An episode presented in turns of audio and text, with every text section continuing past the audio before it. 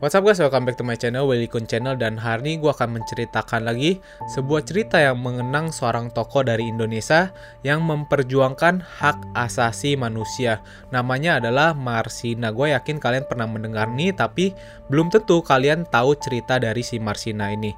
Nah Marsina memang seorang wanita berumur 24 tahun yang dikenal memiliki lidah yang tajam dan terpelajar Untuk membela hak asasi manusia khususnya mengenai hak asasi dari buruh guru.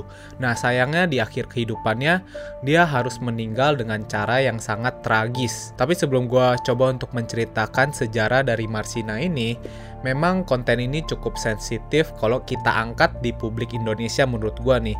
Jadi tujuan gue mengangkat konten ini bukan untuk membuat kerusuhan atau membuka lagi luka lama, tapi gue ingin agar anak muda dari Indonesia mengetahui apa sih sebenarnya sejarah dari negaranya sendiri. Nah tujuan untuk membuat konten ini juga bukan untuk menciptakan kerusuhan atau menuduh pihak mana pun dalam kejadian ini, tapi untuk mengingatkan kembali anak muda terhadap sejarahnya agar sejarah kelam Indonesia tidak terulang kembali. Nah untuk sumber dari konten video ini nanti akan gue sebutin saat gue bercerita, tapi kebanyakan gue ngambilnya dari berita, dari buku, dan kesaksian-kesaksian dari kawan dan keluarga dari Marsina itu sendiri. So, sebelum mulai jangan lupa untuk support channel ini dengan cara klik tombol subscribe-nya aja di pojok kanan layar kalian nih, klik tombol subscribe-nya, kemudian tinggal klik tombol loncengnya agar mendapatkan notifikasi dari video terbaru di channel gue. Dan jangan lupa juga untuk like, komen, dan share video ini ke teman-teman kalian agar anak muda Indonesia mengetahui sejarah dari Indonesia dan negaranya sendiri ya guys. So kita mulai aja cerita mengenai sejarah Marsina, sang pembela hak asasi dari buruh. Marsina lahir di Nglundo, Nganjuk, Jawa Timur pada tanggal 10 April 1969. Nah, Nglundo adalah sebuah desa kecil di Jawa Timur dan keadaan Marsina waktu itu dia terlahir di keluarga yang cukup miskin keadaannya pada waktu itu. Nah, dia adalah anak kedua dari tiga bersaudara. Nah, Marsina kecil sudah ditinggalkan oleh ibunya sejak berumur 3 tahun sehingga pada masa kecilnya, dia harus diasuh oleh neneknya. Marsina pada masa kecilnya memang dikenal sebagai anak yang rajin dan pandai, namun karena keluarganya kekurangan dalam hal keuangan atau miskin, Marsina kecil ini harus mencari biaya tambahan untuk uh, uang sakunya. Jadi pada masa kecil dia diceritakan dari keluarganya kalau Marsina sering berjualan makanan ringan untuk mendapatkan uang saku untuk dirinya sendiri. Nah, keluarga juga menceritakan bahwa sosok Marsina adalah anak yang suka belajar dan membaca jadi nggak kayak anak-anak yang lain.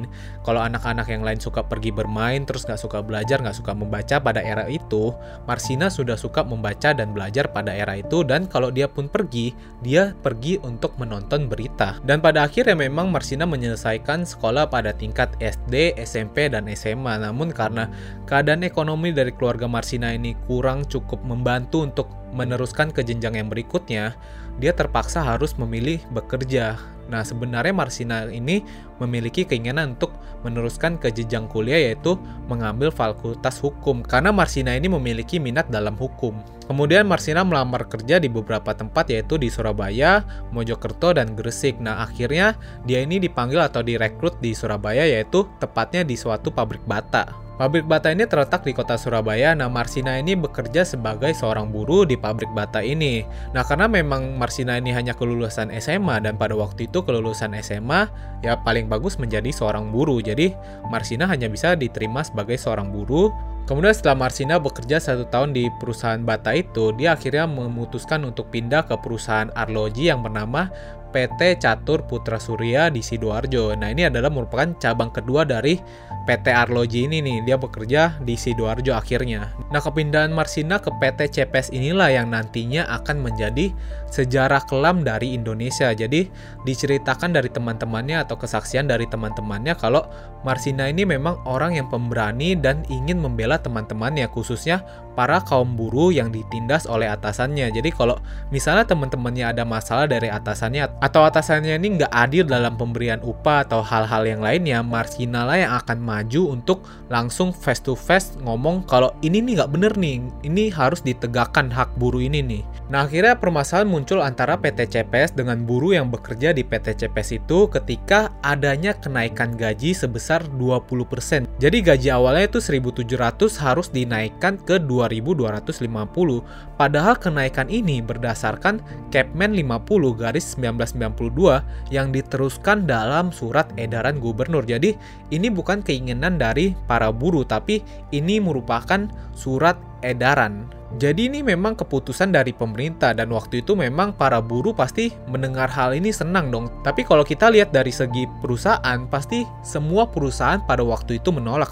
Nah, memang waktu itu PT CPS adalah salah satu perusahaan yang menolak untuk menaikkan upah dari buruh. Jadi mereka menolak untuk menaikkan upah buruh yang bekerja di PT tersebut, tapi mereka akan menaikkan tunjangan dari para buruh. Nah, di sini terjadi perselisihan antara buruh dan perusahaan karena kalau tunjangan yang dinaikkan, jadi kalau kita mengambil cuti di perusahaan itu, tunjangan itu nggak bisa diberikan. Jadi kalau misalnya kita cuti mens, kemudian cuti hamil, kemudian cuti sakit, nah tunjangan ini nggak bisa turun, di mana yang nggak dapat apa-apa buruh jadinya. Mereka tetap menuntut kenaikan upah buruh dari keputusan menteri ini. Akhirnya pada tanggal 2 Mei 1993, para buruh melakukan rapat untuk membicarakan aksi demo untuk menaikkan upah buruh di PT CPS tersebut. Kemudian 3 Mei 1993, para buruh melakukan aksi demonya dan memberikan 12 tuntutan untuk PT CPS ini. Nah, salah satu tuntutan dari buruh ini sudah pasti menaikkan gaji sebesar 20% sesuai dari peraturan pemerintah. Kemudian, eh, para buruh yang mengikuti aksi demo ini nggak boleh di PHK atau diputus hubungan kerja secara sepihak karena mengikuti aksi demo tersebut. Kemudian, eh, buruh juga meminta untuk membubarkan organisasi SPSI internal pada perusahaan tersebut. Nah, ini informasi aja buat kalian. SPSI itu adalah satu-satunya organisasi yang menaungi buruh pada waktu itu yang legal pada Orde Zaman Baru. Nah, jadi memang organisasi SPSI ini biarpun menaungi buruh, tapi syarat dengan kepemimpinan Orde Baru. Jadi, dibilang banyak yang bersebelahan dengan keinginan yang buruh inginkan. Sehingga para buruh waktu itu memang nggak menyukai organisasi ini karena ya memang dikendalikan oleh pemerintah, bukan untuk buruh. Tapi sayangnya pada demo hari pertama ini tidak ditemukan titik terang sehingga para buruh melakukan satu tindakan mengajak teman-temannya untuk mogok kerja. Jadi sebanyak 150 buruh dari 200 melakukan aksi mogok kerja terhadap PT CPS ini. Kemudian setelah aksi demo di hari pertama ini dan aksi mogok kerja ini akhirnya Yudo Prakoso atau koordinator dari aksi demo ini ditangkap dan dibawa ke markas Koramil. Nah, jadi pasti timbul pertanyaan kenapa bisa ditangkap dan dibawa ke markas Koramil. Nah, memang satu bulan sebelum terjadinya pembunuhan dari Marsina ini, Presiden Soeharto menghadiri pertemuan hak asasi manusia di Thailand. Dalam forum itu, Soeharto menyatakan RUU Hak Asasi Manusia yang dirancang oleh PBB tidak bisa diterapkan di negara-negara Asia. Jadi, Jadi di sini dia menjelaskan bahwa warga nggak bisa mengeritik pemerintah secara bebas seperti budaya Barat. Selain itu, Presiden Soeharto juga memiliki intervensi yang kuat untuk mengatur dan mengontrol apa yang diprotes oleh buruh. Dia memiliki perangkat surat keputusan Bakor Tanas dan keputusan Menteri Tenaga Kerja yang isinya jika ada perselisihan antara buruh dengan perusahaan, maka yang berhak memediasi adalah militer. Jadi dalam pernyataan ini sudah jelas di mana pihak militer memiliki kekuatan intervensi untuk menyelesaikan permasalahan antara suatu perusahaan dengan buruh. Selain itu, Presiden Soeharto juga menekankan bahwa warga negara wajib menunjukkan rasa hormat pada pemimpin mereka, sebagaimana anggota keluarga pada kepala keluarga. Hal ini diuraikan dalam buku yang berjudul From Marsina to Munir, Grounding Human Rights in Indonesia yang terbit pada tahun 2008. Balik lagi pada tanggal 3 Mei 1993, tepatnya ketika Yudo Prakoso ini ditangkap, dia itu diinterogasi di sana, ditanyai kenapa harus terjadi aksi demo itu dan dituduh melakukan aksi demo menggunakan cara PKI. Karena Yudo Prakoso ini terus-terusan dipanggil dan harus diinterogasi secara intens oleh Koramil, akhirnya Marsinala yang mengambil tongkat komando dari aksi demo ini. Kemudian esok hari pada tanggal 4 Mei 1993, Eh, para buruh terus melakukan aksi demonya dan mogok kerja terus dilakukan. Akhirnya pihak perusahaan memanggil 15 perwakilan dari buruh dan mereka melakukan uh, negosiasi di situ. Tapi yang uniknya dari negosiasi ini bukan cuma dari pihak perusahaan, kemudian dari pihak perwakilan buruh, tapi dihadiri juga oleh Dinas Tenaga Kerja, kemudian petugas kecamatan, pihak kepolisian, kemudian ada juga pihak dari Koramil. Jadi karena rapat ini didatangi oleh banyak pihak, menimbulkan satu kecanggungan dalam melakukan aksi rapat, jadi terlalu tegang. Tapi kabar baiknya, setelah negosiasi ini, pihak perusahaan mengabulkan 11 tuntutan dari para buruh. Nah, pihak perusahaan nggak mengabulkan satu tuntutan yaitu membubarkan organisasi SPSI, karena menurut perusahaan ini di luar dari wewenang perusahaan, jadi mereka nggak bisa membubarkan organisasi SPSI. Nah, memang setelah penjelasan itu, ya masuk akal, perusahaan memang nggak memiliki wewenang untuk membubarkan SPSI. Setelah semua sudah berakhir, di hari itu juga berdasarkan kronologi yang dirangkai oleh Komite Solidaritas untuk Marsina, Yudo Prakoso mendapatkan surat panggilan lagi dari Koramil buat datang ke Kodim. Di sana Yudo Prakoso dipaksa untuk menuliskan nama-nama yang menjadi koordinator dalam aksi demo tersebut. Jadi karena waktu itu memang Yudo Prakoso merasa diintimidasi dan terus-terusan didesak, ya udah akhirnya dia menuliskan 12 nama yang tidak termasuk Marsina. Keesokan harinya 12 nama ini dipanggil oleh Koramil untuk datang ke Kodim dan dipaksa untuk menandatangani surat pengunduran diri karena dianggap sudah tidak dibutuhkan oleh perusahaan. Karena memang di sana mereka mendapatkan tekanan yang luar biasa hebat, terpaksa 12 orang yang dituliskan namanya dan si Yudo Prakoso ini menandatangani surat pengunduran diri dari PT CPS. Tapi surat pengunduran diri ini bukan datang dari PT CPS, namun datang dari Koramil. Kemudian berdasarkan laporan Lembaga Studi dan Advokasi Masyarakat, Marsina marah besar setelah mendengar ke-13 temannya ini di PHK secara sepihak karena sudah jelas dalam 12 tuntutan itu yang dikabulkan 11 tertulis bahwa pihak perusahaan tidak dapat melakukan PHK secara sepihak karena aksi demo yang mereka lakukan. Tapi di sini kok ke-13 teman dari Marsina ini bisa di PHK oleh pihak Koramil. Nah, karena dia mendengarkan hal itu, Marsina akhirnya meminta salinan dari surat PHK ini. Kemudian eh, 11 tuntutan yang telah dikabulkan, dia bilang dia mau mengadukan atau menuntut pihak Koramil dalam melakukan keputusan itu karena sudah jelas dalam tuntutan ini sudah dikabulkan. Tapi pihak Koramil kok melanggar dari perjanjian ini. Jadi Marsina mau pergi ke Surabaya untuk meminta bantuan dari saudaranya yang bekerja di Kejaksaan Surabaya untuk menuntut pihak Koramil Kemudian esok harinya lagi pada tanggal 6 Mei 1993, kebetulan pada hari itu adalah hari Waisak, jadi Eh, para buruh nggak bekerja dan libur dan baru masuk pada tanggal 7 Mei 1993. Nah, pada tanggal 7 Mei 1993, menurut kesaksian dari teman-temannya Marsina, mereka ini udah nggak melihat Marsina. Jadi nggak melihat lagi keberadaan Marsina tuh nggak ada di perusahaan dan nggak ada di sekitar tempat tinggalnya. Jadi mereka mengira kalau oh mungkin Marsina ini pulang kampung nih. Tapi yang mengejutkannya pada tanggal 8 Mei 1993 Marsina ditemukan sudah tidak bernyawa di sebuah gubuk pematang sawah di Desa Jagong di Nganjuk, Jawa Timur.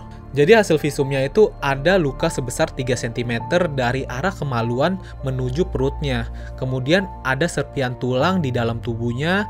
Kemudian juga tulang panggul depannya benar-benar dalam keadaan hancur, selaput darah Marsina robek, dan rongga perut mengalami pendarahan sebanyak 1 liter dan itu merupakan beberapa dari hasil visumnya karena banyak banget luka di dalam tubuh Marsina itu.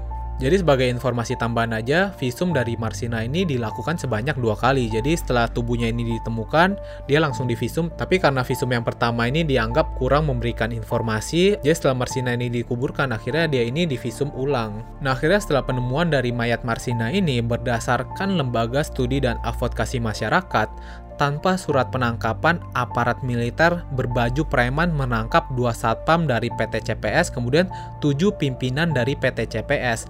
Penangkapan ini dibumbui tindakan kekerasan, di mana semuanya diseret paksa, dan kepala dari Karyono Wangso, kabak produksi PT CPS, sempat ditodong gagang pistol karena nggak mau ditarik paksa begitu saja. Mereka dibawa ke markas Kodim 5 Brawijaya, mereka disekap dan disiksa selama 19 hari.